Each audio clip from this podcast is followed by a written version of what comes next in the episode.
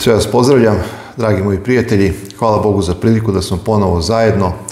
Evo, nedelja je negde oko 15 do 6 izjutra. Nisam mogao nešto da spavam i odlučio sam da malo prošetam gradom. Još i uvijek mrak na polju. Beograđani spavaju, mirno je. Ali ispred nas je zaista jedan lep, lep dan. A, slušao sam, danas je jutro se neka velika graja vrana. Verovatno se nešto prepiru rano jutro, našli su neku hranu i onda se bore, bore ko će to da izjede, da pojede. Zanimljivo je sve to posmatrati. Inače, e, pre nego što krenemo sa proučavanjem ove jako, jako bitne teme, e, želio bi da podavim nešto što mi je na srcu sa vama. Znate, može čovjek znati mnogo toga iz teologije, iz filozofije, može čovjek pročitati zaista veliki broj knjiga, dela, poznatih, teoloških, etičkih, filozofskih, ali ono, dragi moji, što je suština i ono što će nas jednoga dana odvesti u Carstvo Bože jeste da li smo bili sa Hristom ili nisu.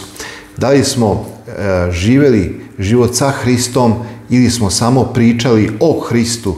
Da li smo te teološke misli koje pronalazimo u Bibliji, predivne reči koje nam je Gospod Isus Hristos ostavio, stavili u naše srce ili su one bile samo na nivou našeg intelekta, naše misli.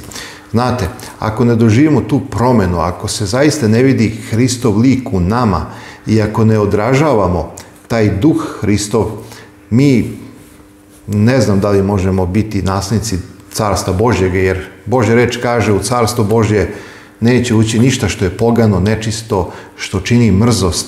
Znači, jezik koji je naučio da psuje, da laje, da ogovara, da zadaje bol, kao što kaže jedan autor u reči, nalazi se jača sila nego atomska bomba. Zaista sa našim rečima možemo lečiti, ali možemo i ubijati. Možemo povređivati tako snažno da se čovjek nikada više ne, ne uspe povratiti. Zato je jako bitno, dragi moji, da budemo sa Hristom. Ne da budemo oni koji samo pričaju o Hristu, nego da budemo sa Hristom. Da se desi ono što se desilo kod apostola kada su ljudi rekli i govor njihovih izdaje. Znači oni su postali veoma slični Hristu i bili su prepoznatljivi. A, to je ono što mi je bilo na srcu, evo to želim da podelim sa vama, jer znam da kroz ovo moje propovedanje preko YouTube kanala koji se zove Biblija uči, vršim određeni uticaj na vas koji to slušate. I zato želim da vas pozovem da razmišljate u ovome pravcu, dragi moji prijatelji, da evo ovo vrijeme koje nam je dato bude vrijeme kada ćemo raditi na našem karakteru. Ja znam da ima ljudi koji će iz dana u dan mnogo sati i više od 8, 12, 13 sati raditi e, za ovo ovozemaljski život, za materijalne stvari i mnogi ljudi će tako školovati svoju decu, boriti se, otplaćivati kredite. Zaista, zaista težak je život i brz je život, ali dragi moji, Isus kaže šta vredi čovjeku ako sav svet zadobije, a duši svoje naudi. Hajde da radimo na našem karakteru. Barem da odvojimo sat vremena za naše gospod Isusa Hrista, da nađemo mirno vrijeme i da kažemo ovaj sat ljubomorno čuvam, ne dam ga nikome. Hoću da budem sa mojim tvorcem, sa mojim spasiteljem. I onda u toj samoći, kada čitate evanđelje ili reč Božju i kada se molite, kada razgovarate sa Bogom, tu se dešava, dragi moji, ta promjena i iz dana u dan čovjek biva sve sličniji Hristu. To je u suštini evanđelje. Evanđelje u svojoj suštini je poniznost, ljubav, radost, mir, trpljenje, dobrota, krotost, uzdržanje. To je ono što treba da izvire iz nas i to je ono što ćemo jednoga dana poneti u Carstvo Božje. Tamo gore više neće ući ništa što je mrzost, što je pogano, što je nečisto, tamo neće ući ni jedna osoba koja se nije oslobodila poganog jezika koji često zna duboko da povredi.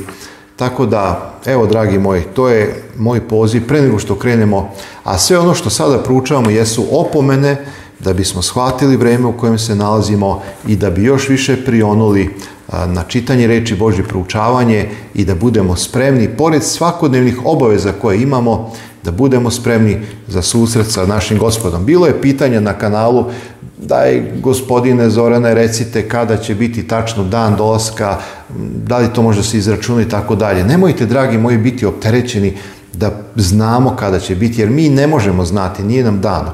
Danas je dan, danas budi spreman, danas budi čistog srca, danas kaži gospode, dođi gospod Isuse Hriste, ja sam spreman. Nećemo mi nikad biti u trenutku da kažemo, ja e, sad nemam nijedan greh. Mi stalno rastemo u Hristu. I što više se približamo svetlosti, sve ćemo više vidjeti da smo prljaviji i da nam treba Hristova pravda, njegova haljina koja će za, zaodenuti naš karakter. I što se približamo više Hristu, vidjet ćemo koliko nam je Hristos više potreban, jer ćemo shvatiti koliko smo grešni i nemoćni da bilo šta uradimo. Bez Isusa Hrista ne možemo učiniti ništa.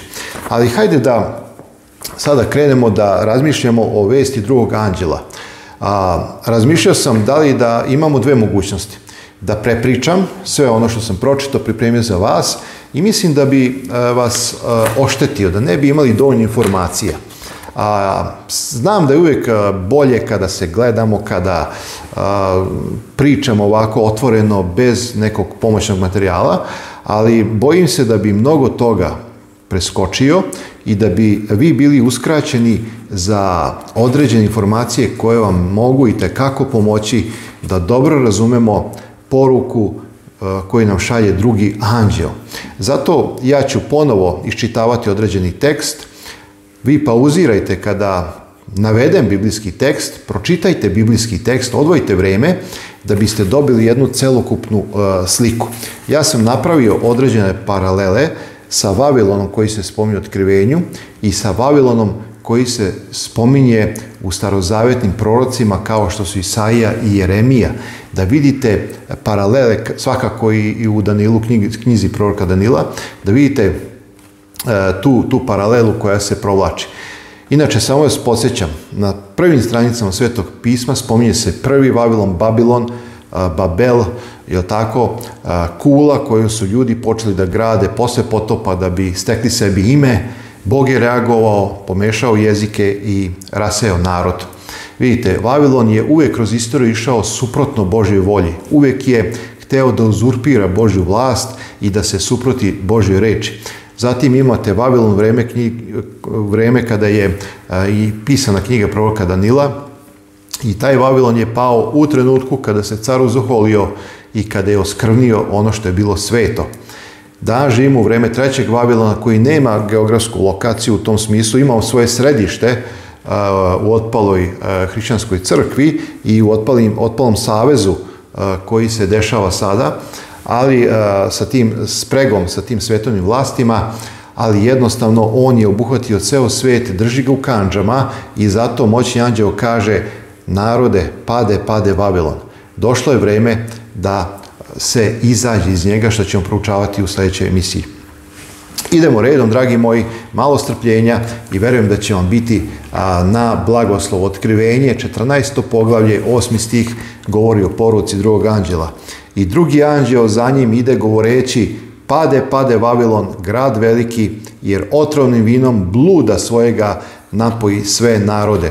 Otrovno vino je simbol iskvarene nauke, u pitanju je religiozno-politička sila, jer bludnica je crkva, otpala crkva, ali Vavilon označava spregu otpale crkve i političkog sistema današnjeg svetovnih vlasti e, i oni udruženi e, varaju narod i šire to otrovno vino kurvarstva svojega a, kojim žele da napoje sve narode. Da bi se razumelo šta znači pojam Vavilon i šta je njegov pad, treba da se razume tipološka veza između Vavilona iz vremena posetka i starog Vavilona iz istorije Izrelja. Fraze kojima se služi drugi anđeo predstavlja stapanje proročanstava o propasti koje su u Vavilonu izrekli proroci sa Jeremije. Više puta sam rekao, u Novom Zavetu nema ništa novo što se već nije čulo ili desilo u starozavetno vrijeme. Zato da bismo razumeli određene pojmove i određene termine, moramo otići u starozavetni kontekst da vidimo šta se desilo u to vrijeme. Pade, pade Vavilon i svi rezani likovi bogova njegovih razbiše se o zemlju. Isaija 21.9 ili recimo Jeremija 51. glava 6. i 7. stih, čitam, ne morate pauzirati, bežite iz Vavilona, vidite, e, ista konotacija, isti e, rečenični sklop kao što se vidi u otkrivenju pade, pade Vavilon i onda dalje kaže izađite narode. Kaže bežite iz Vavilona, izbavite svaki dušu svoju da se ne istrebite u bezakonju njegovu, jer je vreme osvete gospodnje.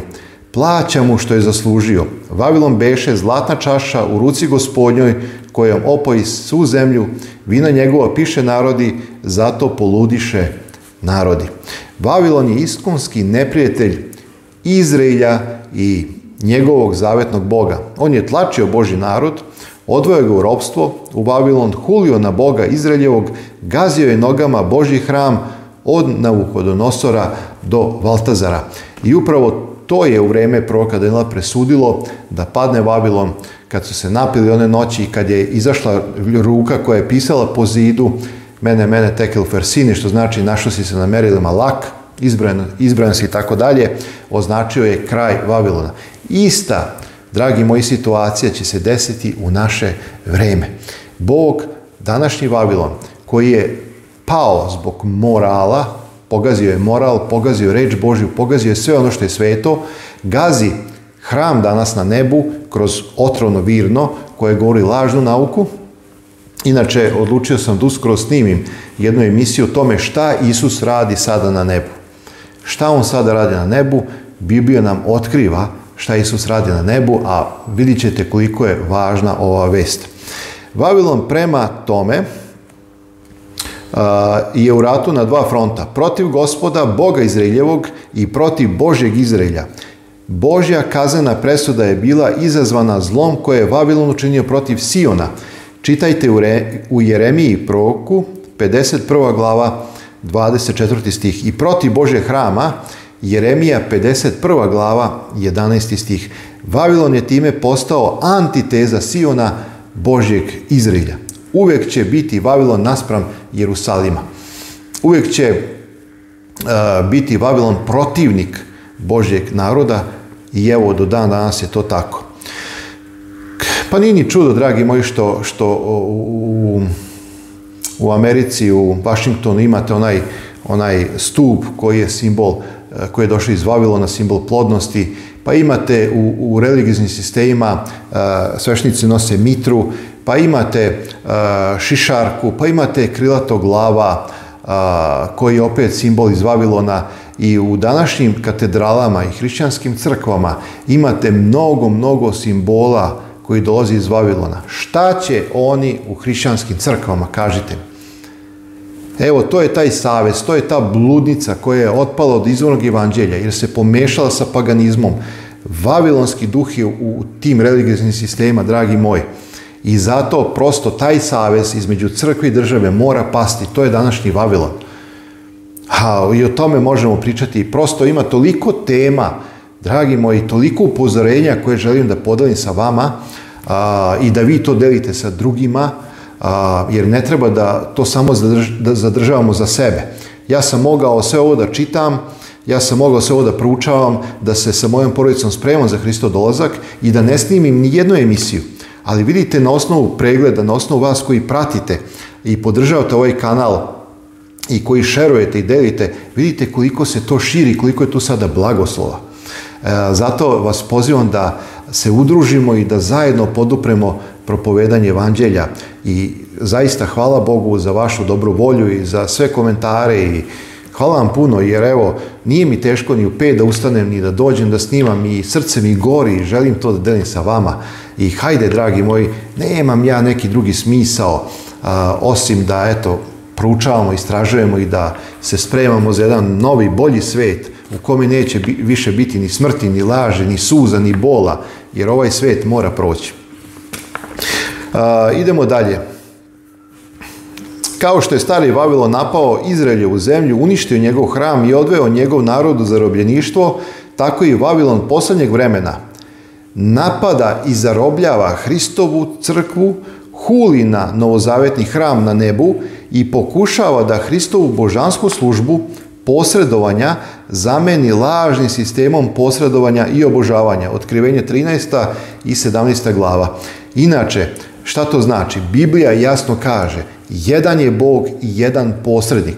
Ne znači da Isus nije Bog, ali uloga u planu spasenja je da posreduje pred licem Božim. Znači, zato mi kada se molimo kažemo Oče naš nebeski, molimo se i uvijek kažemo ovo te molimo u Hristovo ime. Zašto? Zato što kada dođu molitve do nebeskog hrama, Hristos kada prima molitve naše, okreće se prema Otcu i kaže Oče zbog moje krvi, prihvatio, slišio molitvu i on, nas zastupa. Mi ne možemo doći, dati žmigavac i doći mimo Hrista do Oca. Mi možemo doći do Oca kroz Hrista i On je nas pomirio sa Ocem Nebeskim. On je naš zastupnik, to je predivna vest. On je naš branilac na sudu. Onaj koji je dao svoj život za tebe i za mene nas brani. Pa to je, dragi moji, predivna stvar. Od čega nas brani? Pa od osude đavola i greha koji stalno pokušava da nametne, da kaže oni su moji jer su grešnici, a Isus kaže ne, oni su sada moji jer su se pokajali i prihvatili mene za spasitelje. Evo, to je ukratko ta priča koja se svakodnevno vodi i odigrava danas na nebu kada se ti i ja molimo Bogu. Znači, nema drugog posrednika. Ne može ni jedan čovjek da posreduje između Boga i mene ili tebe.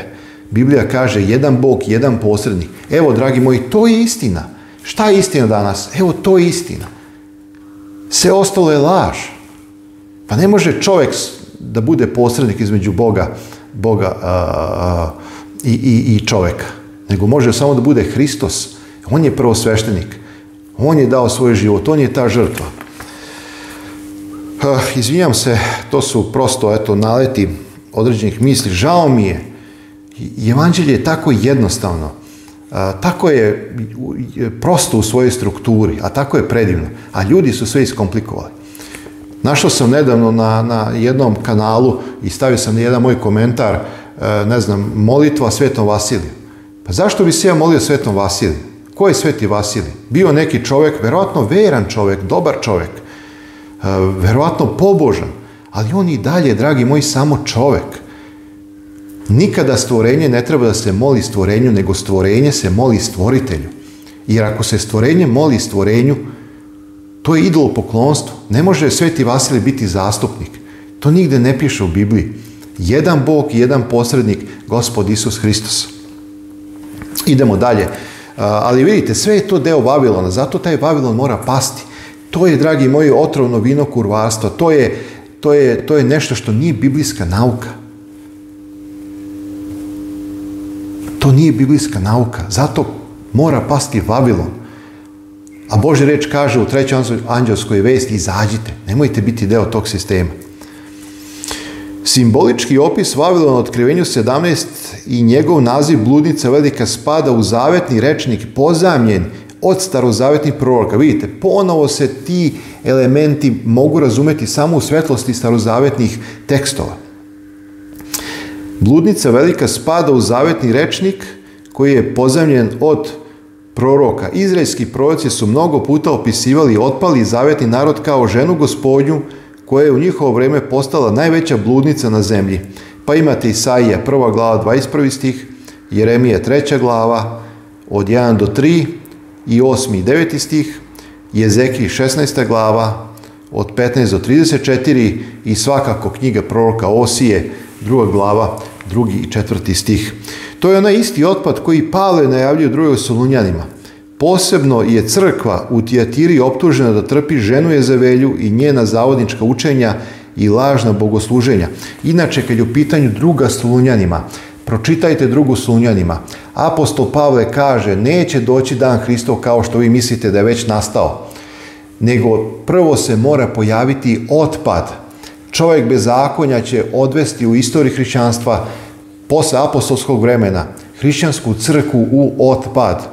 A, I kad se to desi, onda dolazi vrijeme kada Bog kroz određene ljude u protestantizmu obnavlja te istini, vraća na onu platformu na kojoj je sagradio prvu crkvu, a to su zapovesti Božje i vero Isusa Hrista. To će biti jedna posebna tema koju ću koji će uskoro održati. Otkrivenje 17 opisuje Novi Vavilon kao ubilački raspoloženu bludnicu caricu. Otkrivenje 17. glava od 3 do 6. Ako želite pravi identitet bludnice i opisa Vavilona, pročitajte Otkrivenje 17. Inače, snimio sam jednu emisiju u ovoj seriji posljednje vremena koja nosi naslov Od crkve koja je progonjena do crkve koja goni. Crvena zver e, ježdaja u otkrenju 12 koja je gonila prvu crkvu, sada se postavlja slika da ta otpala crkva sedi na zveri i proganja. Dragi moji, crkva sedi na zveri, a u početku je zver crvena progonila crkvu. Vidite taj savez, crkva sedi na zveri. Veoma, veoma opasna. Zato anđeo u drugoj poruci ide posred neba simbolički poziva narod i kaže izađite, sve je zatrovano, sve je laž i prevara. I zato vas ja upućujem na reč Božju, dragi moji. Reč Božja je istina. Tako kaže Gospod. Isus kaže, uzelud me poštujete učeći naukama i zapovestima ljudskim. Znači svako bogosluženje koje nije utemeljeno na Božim zapovestima je lažno bogosluženje, ako je utemeljeno na ljudskim zapovestima. Isus kaže, vi mene uzelud poštujete, jer prestupate zapovesti Božje. Znači, to je rekao farisejima i tako dalje, jer oni su došli i optužili, to su neki fariseji bili od Jerusalima, nisu to obični bili fariseji. I oni kaže, zašto e, učenici tvoji prestupaju običaje starih i tako dalje, a Isus kaže, a zašto vi prestupate običaje Božje za vaše običaje? I tako dalje, to je sad jedna druga tema, ali samo želim da vam kažem da je stalno đavo napadao hrišćansku crkvu želeći da promeni istinu i da zavede jer isti, u istini je Hristos, a u laži ga nema. Imate jednu čašu u kojoj imate 99% vode, ali samo jedna kap otrova čini da je ta čaša cela otrovna. I đavo zna jako dobro što radi. On je ostavio mnogo toga hrišćanskog u hrišćanstvu, ali ubacio mnogo laži. Čitajte Otkrivenje 17, prepoznaćete o kojoj bludnici se radi. Otkrivenje 17 opisuje Novi Valon kao ubilački raspoloženu bludnicu caricu koja predstavlja potpunu suprotnost čistoj ženi Božjoj čija su deca progonjena i ubijana. To je otkrivenje 12.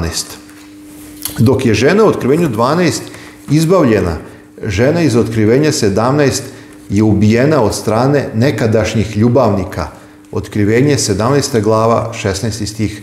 Taj savez s kojim sada žena šuruje, otpala crkva bludnica, će se jednoga dana okrenuti protiv nje zato što će podići ruku na nju jer će shvatiti u vrijeme Hristovog dolaska da je taj savez prevaren.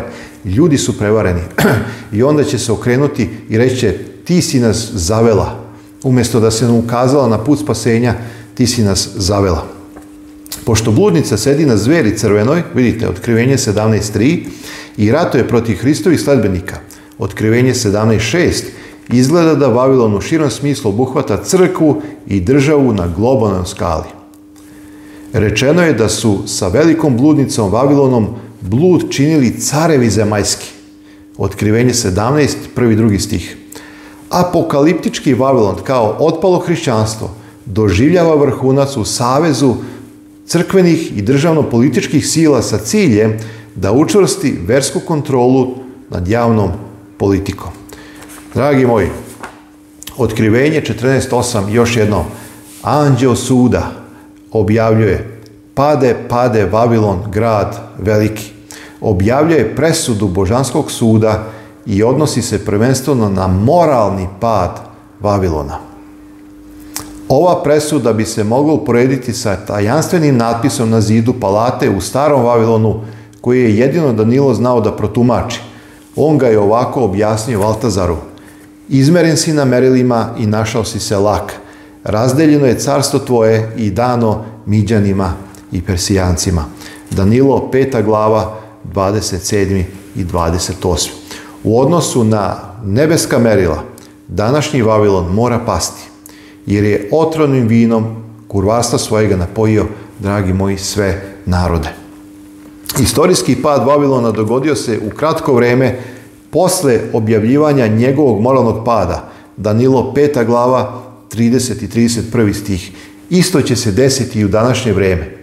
Posle objavljivanja vesti drugog anđela da je pao Vavilon, a mi živimo danas. To, to nije neka budućnost, dragi moji.